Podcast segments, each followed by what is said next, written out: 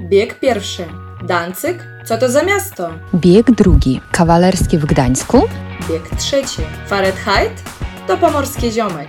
Bieg czwarty. Gdy Pomorze nie pomoże, to pomoże może Gdańsk. Hej, Dasza. Dzień dobry, Kasiu. Oj, chyba już dobry wieczór, Dasza, bo już ciemno za oknem. Ale może słuchacze teraz mają za oknem słońce i wschód słońca. Kto tam wie, w jakich okolicznościach słuchałem naszego podcastu? Masz rację, ponieważ po pierwsze nie zapominajmy o strefach czasowych, tak? To e, my teraz mamy już taki późny wieczór, ale ktoś już budzi się, idzie do pracy, ktoś je obiad, a ktoś idzie na spacer już albo na basen, kto wie, ale mam nadzieję, że w słuchawkach jest nasz podcast w każdym razie. Dokładnie tak. Kasiu, jak spędziłeś weekend? Dasza, wiesz co, to teraz dopiero poczułam lato, bo to, kiedy byliśmy teraz nad morzem, zobaczyłam, że w lesie są poziomki, że tak pięknie śpiewają ptaki, a zapach powietrza jest naprawdę smaczny. Jak mówi się, że można jeść go łyżką, e, pachnie jodłą, morzem, kwiatami, owady wydają dźwięki, czy to są koniki polne, nie wiem,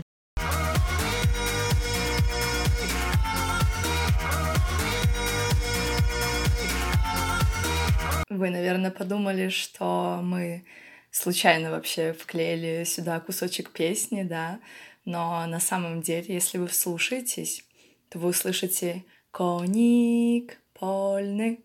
Перемотайте и послушайте, что сказала Катя. Она сказала «коники польны», и далее играет музыка «коник польный». Это называется «укрытый язык польский», «укрытый польский язык» в песнях. Например, когда есть какая-то песня на английском языке или на другом, то иногда можно там услышать какие-то польские слова, предложения.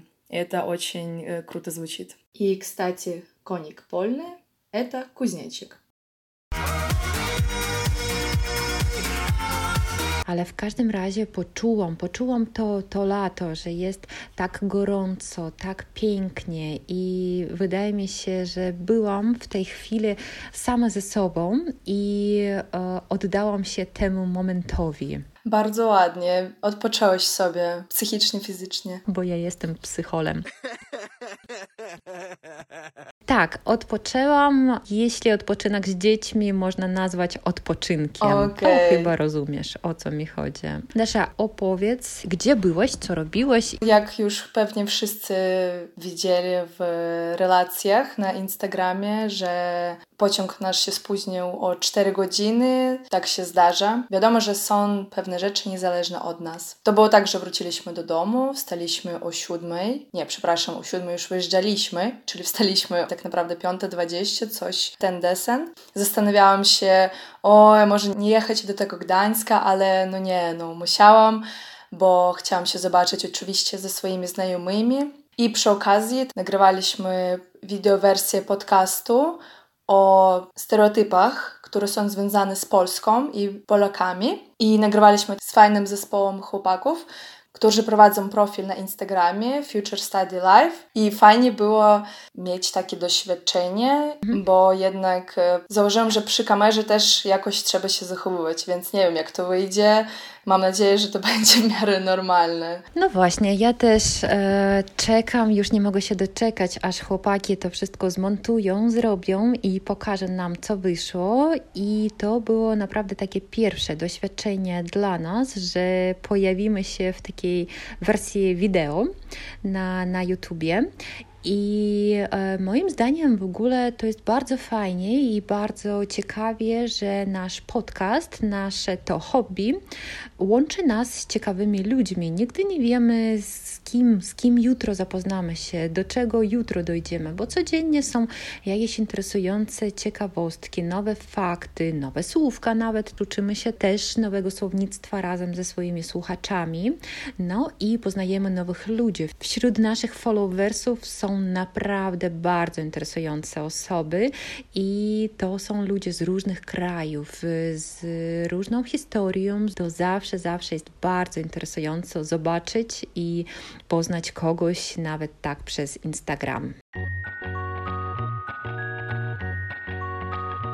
Dasza, ale to też ciekawie, że ty pojechałaś na to nagranie pociągiem na żywo, spotkałaś się z chłopakami, tak już y, nie przez internet. Dasza, wiem, że Gdańsk dla ciebie to nie jest obce miasto. Да, Кать, в Гданьске я жила добрых пять лет. Всегда буду рада туда приезжать и встречаться со своими друзьями. Приятно понимать, что есть люди, которые тебя всегда ждут. Но, естественно, в Гданьску есть co zobaczyć. В Гданьске есть что посмотреть. И об этом сегодня будет наш выпуск. Даш, а ты почувствовала, что ты была всего в 120 километров от своего дома, от своей семьи, от границы, от России? Да, почувствовала, даже посмотрела так расписание автобусов, ну точнее, я просто его знаю наизусть, хотя сейчас вроде оно поменялось, насколько я знаю, из-за пандемии. Странно находиться так близко, на, на расстоянии вычонгнентой ренки, на расстоянии вытянутой руки от своих близких, но все равно не могла поехать домой. Jeszcze wszystko przed nami. No to tak, myślę, że to jeszcze się zobaczymy i do Gdańska już przyjedziesz jako do takiego punktu tranzytowego, tak? tak? Że, że, przez Gdańsk, ale, ale dalej, tak? Nie, nie zatrzymasz się tam. Moi znajomi nie, nie, nie pozwolą się nie zatrzymać. Aha. No. No to jeszcze spędzisz tak, tam chwilkę, jasne. tak? Я думаю, что стоит начать с того, что мы должны учесть, что не все наши слушатели из Калининграда, да, то есть мы должны немножечко рассказать, где находится Гданьск и почему это первый город, с которого мы решили начать такую триаду о городах. Наши следующие два выпуска и этот будут посвящены трем таким важнейшим городам, которые, возможно, не являются самыми главными для поляков, потому что это не самые крупные города. О Варшаве пока что мы не будем делать выпуска, но три города пока сохраним интригу, какие будут два остальных, они являются немаловажными именно для нас, потому что Гданьск, он находится совсем рядом от Калининградской области. Если вы посмотрите на карту, карту, то увидите, что Калининградская область — это такой анклав, кусочек России, который находится между Литвой и Польшей. И как раз-таки Гданьск является наверняка первым городом, который посещают жители Калининграда, когда едут за границу, на запад. Поэтому я думаю, что Гданьск знаком почти что каждому жителю Калининграда, кто хоть раз выезжал за границу. Думаю, что вот как раз если мы говорим про покупки, если mówimy о закупах, тогда все обычно едут в Бронево, туда-обратно, приграничный город. Mm-hmm. А если уже посмотреть на что-то, даже к морю куда-то, то, естественно, это Гданьск. И ехать э, на машине именно от границы до Гданьска полтора-два часа. Вообще территориально Гданьск от Калининграда находится ну, где-то в 120-130 километров, смотря из какого места вы едете. И Гданьск — это довольно-таки крупный город. Это столица Поморского воеводства, город примерно полумиллионным населением, то есть примерно как Калининград. И почему для нас этот город так наверное, духовно-морально близок, потому что его архитектура очень похожа на кёнигсбергскую архитектуру, потому что раньше эти два города находились в Восточной Пруссии и находились на территории одного государства. Часто даже поляки говорят, что Крулевец — то польское место. Поэтому, когда мы находимся в Гданьске, мы не чувствуем, что мы уехали прям куда-то далеко-далеко, как будто бы это тоже какой-то соседний для нас э, город, и я думаю, что многие-многие многие, правда, влюблены, сейчас безумно скучают по Гданьску. Раньше Гданьск назывался Данцик. Когда я летела из Франкфурта в Гданьск, то на табло было написано Данцик. И я сначала не поняла, что происходит. Но потом объявили, что Гданьск, и я успокоилась. Ну да, как мы уже тоже говорили в одном из наших выпусков, особенно в аэропортах. В будьте, да, в первом выпуске будьте, пожалуйста, внимательны, потому что иногда название на польском не совпадает с названием на английском, на русском языке, и тут старайтесь тоже э, узнать все версии произношения вашего города, чтобы просто не потеряться. Но стоит сказать, что Гданьск — это одна из жемчужин трехградия, как называется по-русски, Труймясто, потому что, естественно, к Гданьску рядышком мы относим еще Гдыню и Сопот, да, то есть это три такие прекрасные жемчужины, и я думаю, что все три нужно обязательно посетить. Жители Труймяста говорят так, что в Гданьске работают, в Гдыні живуть, а в Сопоті віддихають, веселяться. Czyli в Gdańsku pracują, w Gdyni mieszkają, a w Sopocie imprezują, odpoczywają. Oj, no właśnie, kiedy jest taka możliwość, to jest najlepsze połączenie i myślę, że warto skorzystać ze wszystkich okazji. Может быть, кажется для вас, что эти города находятся далеко друг от друга, но на самом деле это не так. В втором месте есть СКМ, Шибка, Колей, Мейска, быстрая городская железная дорога. И z остановки Gdańsk Główny do Sopotu zajmie Wam tylko 20 minut. Вам это займет 20 минут на этой электричке.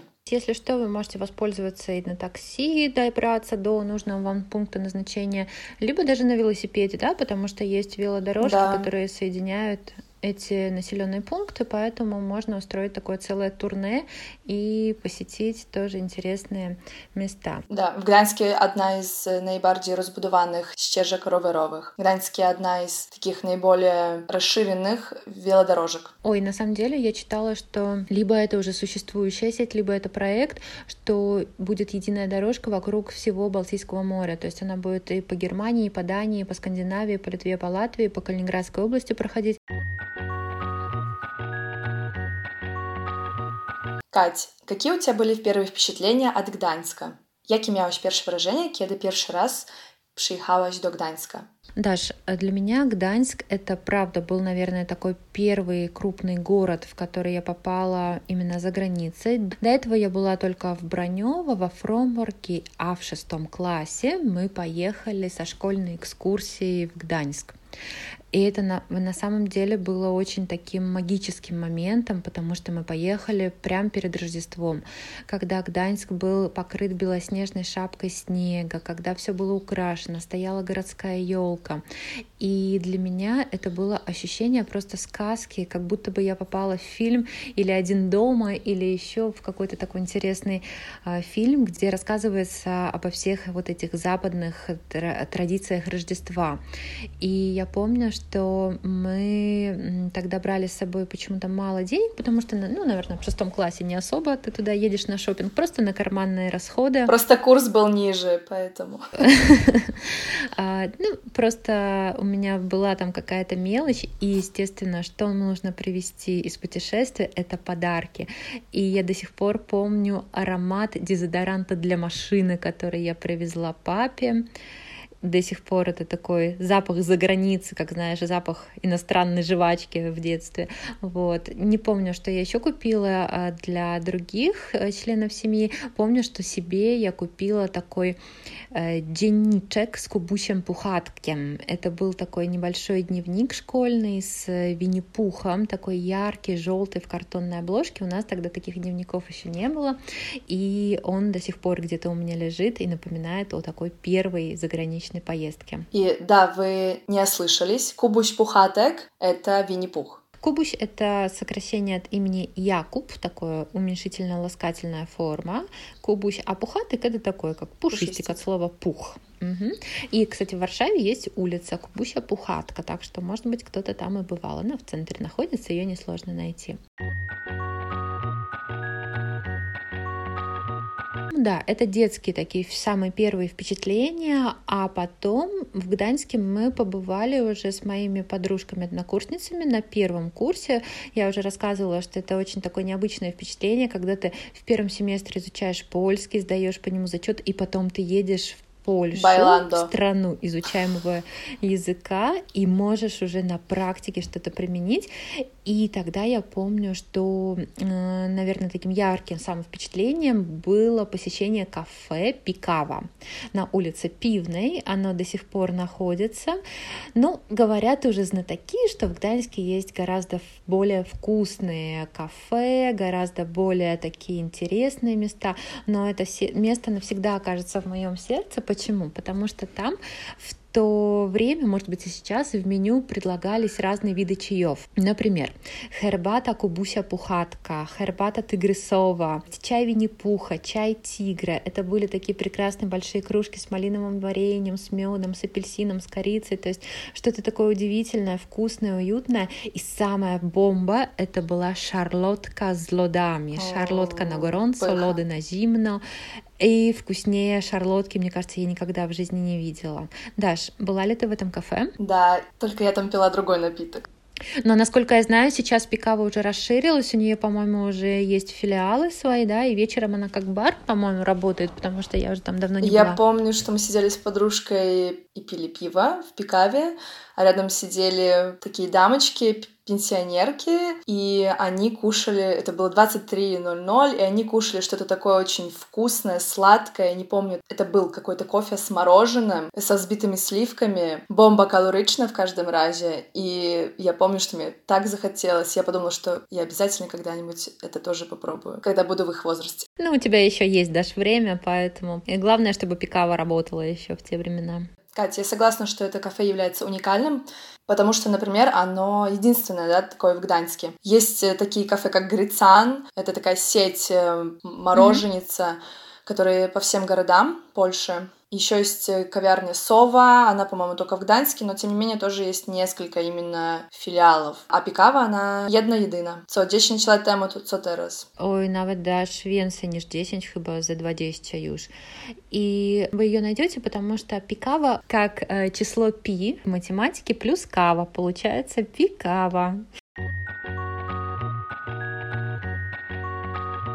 Właśnie, a propos piwa. Кстати, по поводу пива. Самый богатый пивовар из Гданьска был, увага, астрономом. И нет, я вас не обманула. Он реально был астрономом Ян Гивели, Ян Хевелюш. Астроном, который очень тщательно исследовал поверхность Луны. И в Гданьске установлен его памятник. И также есть центром Хевлианум, такой мини-центр экспериментальной науки где вы можете почувствовать на себе разные природные физические явления. Этот центр находится на горе Градовая, Гура Градова. Гора находится возле вокзала главного. Оттуда открывается прекрасный вид на весь Гданьск. Там там zobaczycie całą панораму Гданьска.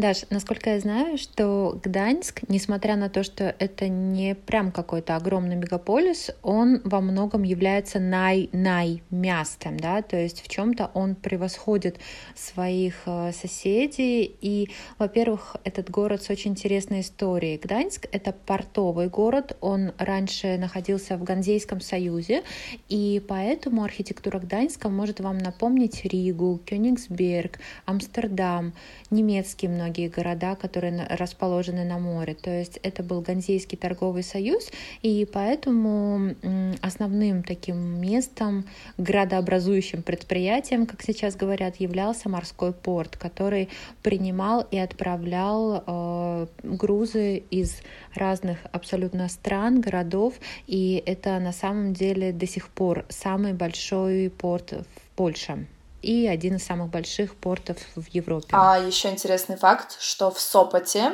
получается, сосед Гданьска, находится самое большое моло, самый большой пирс в Европе. Сопотский моло, то się nazywa по-польску. По многим параметрам Гданьск является одним из самых благоприятных городов для жизни.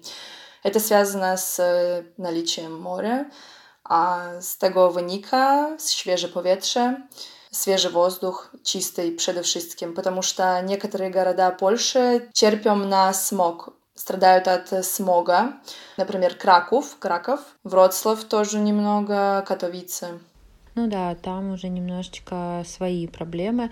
Но Гданьск, э, поскольку он так такая туристическая мекка, и очень много приплывает на пароме да, туристов из Англии, из Скандинавии. Он стал довольно-таки дорогим городом, поскольку все туристические города зарабатывают на туристах деньги, Гданьск тоже не стал исключением. Поэтому, если вы отправляетесь в Гданьск, то я думаю, что стоит узнать, в каких местах именно делают покупки, либо едят местные жители, а не, например, норвежские туристы, для которых, в принципе, Польша является очень дешевой страной, поэтому для них цены повыше. Которые сидят в Шимотуаве при реке Матлава э, в прекрасных э, дорогих заведениях и заказывают себе там стейк, рыбку, и для них это реально копейки. И когда я работала тоже в магазине, очень часто на выходные приезжали норвежцы, шведы, они так и говорили, дешевые билеты, поэтому почему бы не мотануться? Они мотались самолетом в Гданьск, как калининградцы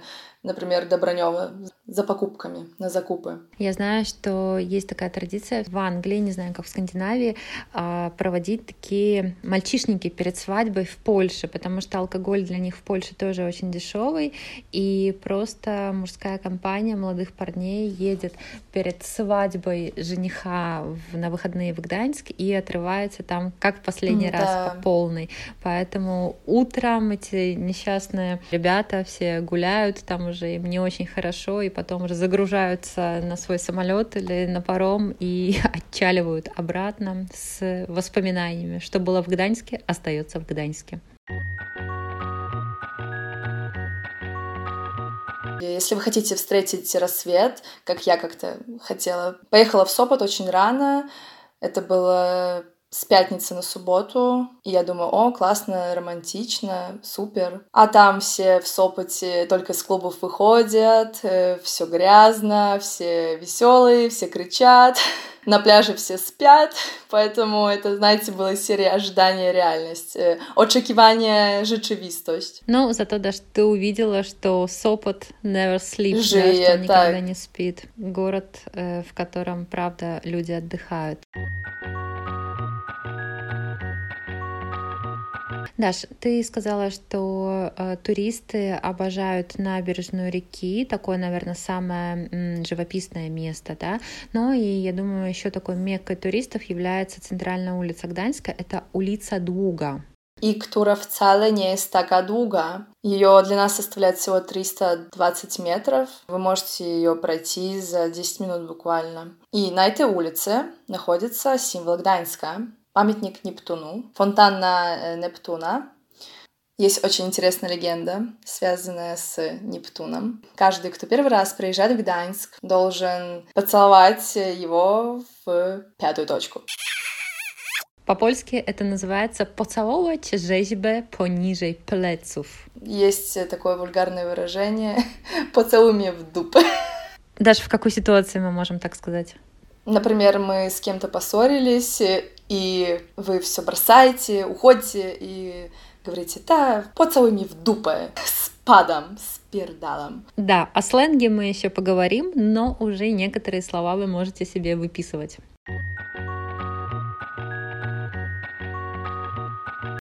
Также, если вы будете идти по этой улице, вы обязательно увидите прекрасное здание костела, которое называется Базилика Мариацка в Небовзенча Найшвенши Мария Панны это базилика Успения Святой Девы Марии и э, самое большое кирпичное религиозное сооружение в Европе. И она настолько огромная, что там может одновременно находиться 25 тысяч человек. И там находится очень много э, шедевров средневековья и эпохи барокко.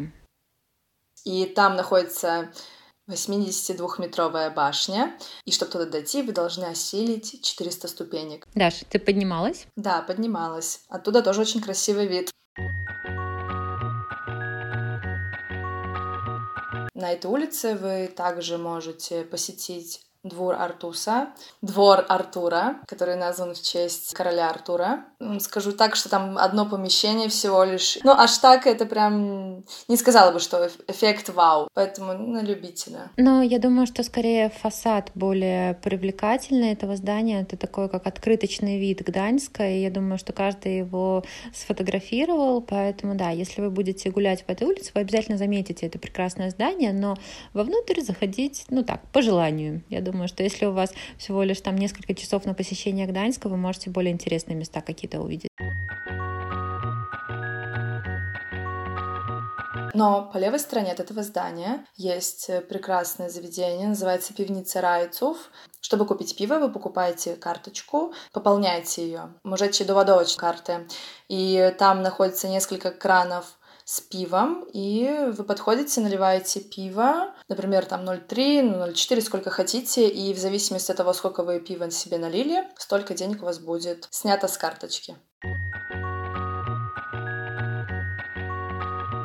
Гданьск является родиной и также известных людей. Я думаю, что каждый из вас слышал фамилию Шопенгауэра или Фаренгейта, и это тоже жители Гданьска. То есть, если мы говорим о философии, то в Гданьске как раз-таки родился один из самых известных немецких мыслителей Артур Шопенгауэр, а также несколько лет своей жизни провел в Гданьске Габриэль Фаренгейт. Это тот человек, который изобрел всем нам известный градусник, который находится у каждого дома, и он также придумал вот эту шкалу, шкалу температуры. Кстати, в Польше запрещены ртутные градусники. И как-то мой друг меня попросил даже, чтобы я из Калининграда ему привезла, потому что они лучше, чем электронные. Да, тут уже не сомневаешься в его точности, самое главное его не разбить. Не разбить. В Гданьске находится 14 высших учебных заведений. И находится очень уникальный факультет, на котором я училась. Биотехнология. Почему он уникальный? Потому что факультет относится к Гданьскому университету и одновременно к Гданьскому медицинскому университету. И таких поłączeń смежных факультетов, всего несколько во всем мире. Ой, Даш, да, про вузы, я думаю, это тоже мы можем посвятить отдельный выпуск, потому что мои ученики, наверное, больше процент из Калининграда уезжают учиться в Гданьск, потому что в Гданьске сильное и медицинское образование, и архитектурное, и инженерное, и филологическое, то есть это город очень удобный из-за своего расположения и из-за того, что ну, вузы Гданьска, правда, стоят в рейтингах на первых местах, поэтому э, туда ребята активно уезжают учиться, и это вузы с многовековой традицией. То есть если в Калининграде медицинское направление открылось буквально несколько лет назад, то в Гданьске уже несколько веков насчитывают вот эти все э, здания, и традиция профессорская тоже уже насчитывает несколько веков. Поэтому я думаю, что об этом мы, правда, запишем отдельный выпуск. И здание Гданьской политехники выглядит как Хогвартс немножко.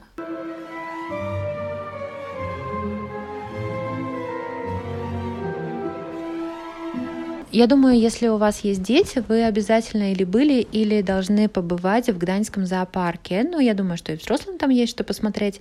Этот зоопарк является самым большим в Польше. Он и обширный по своей территории, и очень много животных там содержится. И этот зоопарк находится в районе, который называется Олива. Это такой прекрасный зеленый район, и там э, вы можете увидеть костел, который является самым длинным костелом в Польше. Он такой вытянутый, очень находится на прекрасной аллее, и в этом парке прекрасно гулять как зимой, так и летом. Там очень зелено летом, прохладно, поэтому от жары мы, вы можете спастись именно там, но и заодно посетить зоопарк. И, кстати, возле зоопарка находится парк Олива, Гданьск Олива, зимой там световые показы, огоньки разные, гирлянды и инсталляции. Очень красиво, поэтому советую зимой вечером туда сходить обязательно. Даша, это только в Рождество или на протяжении всей зимы? По-моему, перед Рождеством и, наверное, до февраля, может быть, если я не ошибаюсь. Ну да, то есть такая новогодняя иллюминация, mm-hmm. да, которая да, несколько да. недель может радовать э, жителей и туристов. И парк, вход в парк бесплатно. Ага, ну здорово, так что можно там погулять. Также я думаю, что Гданьск является во многом и культурной столицей Польши, потому что там находятся театры и концертные залы, как, например, Эрго Арена. Я думаю, что тоже многие жители Калининграда успели в ней побывать. Я лично там была на представлении «Цирк Дю Солей». И в Эрго Арену до недавнего времени приезжали звезды мировой величины. Вы могли просто сходить на прекрасное шоу мирового масштаба и насладиться своими любимыми песнями. Например, там был певец Энрике Иглесиас. А теперь отправляемся в Сопот. В Сопот мы можем добраться, как мы уже сказали, СКМ-кой, либо пиратским статком. Статок — это корабль. Корабли эти стоят вздвуж вдоль реки Мотуава. Улица называется Дуги Побжежа. И на корабле вы можете тоже скористать з услуг гастрономичных. И прибываем мы на Сопотске Моло. Что же можем посмотреть в Сопоте? Я думаю, что все ассоциируют Сопот с Кшивым Домкем. Он, мне кажется, на просторах интернета постоянно где-то в travel-пабликах. Мы обязательно его выложим, фотографию в сторис. Там кафе находится, два клуба. Прогулявшись по Монте-Кассино, это вот эта главная улица, где находится кшевый домик. Называется в простонародье Мончак. Мончак, да. Разные заведения. Посмотрев на все эти достопримечательности, мы можем попасть в лесную оперу. Опера Лещна. Это амфитеатр под открытым небом. И тоже интересный факт, что там в 1978 году выступала наша примадонна Алла Пугачева. Там было что-то подобие Евровидения, тогда это называлось Интервидение, и она там заняла первое место с песней «Все могут короли».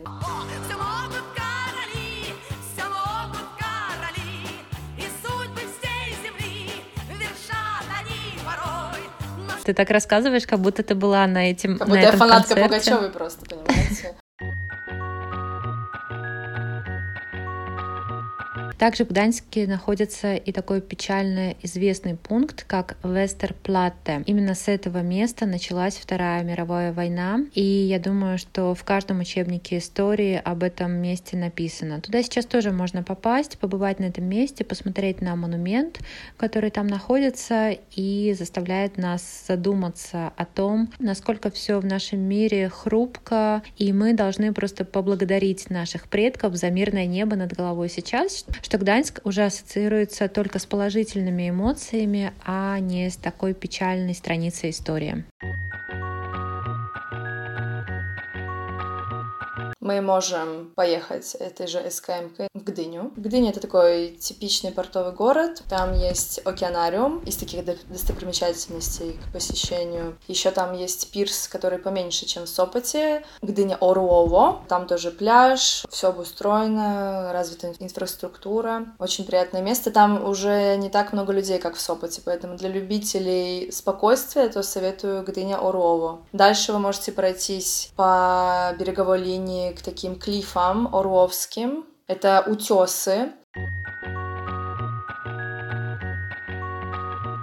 Если мы проедем чуть-чуть дальше, к городу Рева, это 45 километров от Гданьска, там есть удивительный мыс, называется Ципел Ревский. Продолговатый мыс, который с двух сторон омывается Балтийским морем. Очень красивое явление. Kolejna ciekawostka o Gdańsku. Следующий интересный факт про Гданьск. Я думаю, многие знают фирму Зяя, или, наверное, как ее все называют, Зая, но правильно mm-hmm. говорить Зяя. Это от фамилии создателя. И Шидиба, главный офис компании, находится именно в Гданьске и завод. Жай — это косметическая фирма. И еще в Гданьске находится наименьшая фирма фармацевтичная в Польsce, Пулфарма. Самая большая фармацевтическая компания Пулфарма.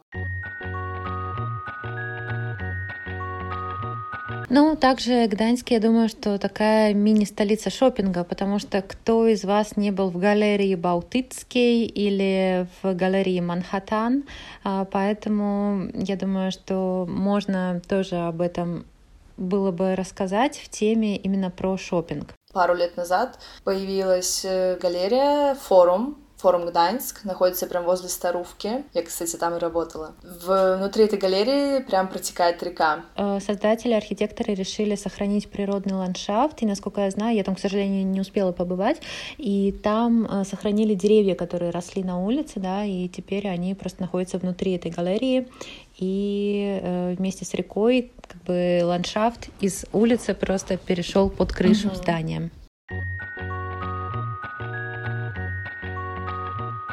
Поговорим немножко про напитки.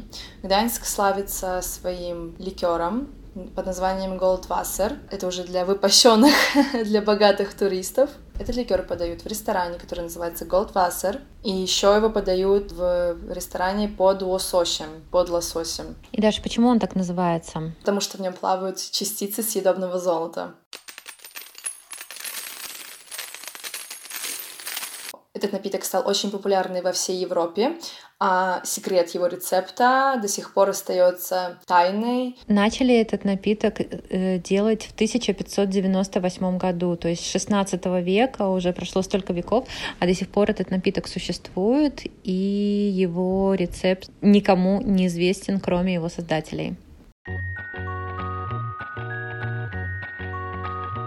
Даш, я думаю, на сегодня э, мы довольно-таки много рассказали про Гданьск. Подводя итог, какими тремя словами ты могла бы охарактеризовать этот город? Гданьск то może, Гданьск то спокой, Гданьск то мой дом родинный. Ну, потому что все-таки это город, э, где я пережила первую сессию, первые первую пересдачу, первую поправку, первую работу, диплом защитила и познакомилась с такими замечательными людьми, с которыми хочу utrzymywać контакт, як найдужей. Катя, а с чем у тебя ассоциируется Гданьск? Даш, я бы сказала, что для меня Гданьск э, можно описать тремя прилагательными. Гданьск для меня элегантный, потому что я считаю, что это правда очень стильный город. Он такой с классом, знает себе цену. Для меня Гданьск развивающийся, потому что каждый раз, когда туда приезжаешь, ты видишь, что построили либо новый район какой-то, либо отреставрировали новые здания, и он, правда, стремительно меняется, и постоянно-постоянно появляется там что-то новое. И третье, Гданьск для меня близкий, потому что, правда, этот город, который, наверное, мы посещали чаще всего до закрытия границ, и, надеюсь, мы будем приезжать туда так же часто, как и до пандемии. Даш, ну что, поблагодарим наших слушателей за то, что дослушали наш сегодняшний эпизод и пригласим всех в Instagram. Polski w biegu. No dobra, dojechaliśmy dzisiaj do mety. Żyjemy. Do usłyszenia. Spotykamy się potem w następnym mieście. Do usłyszenia. Pa, pa. Na razie.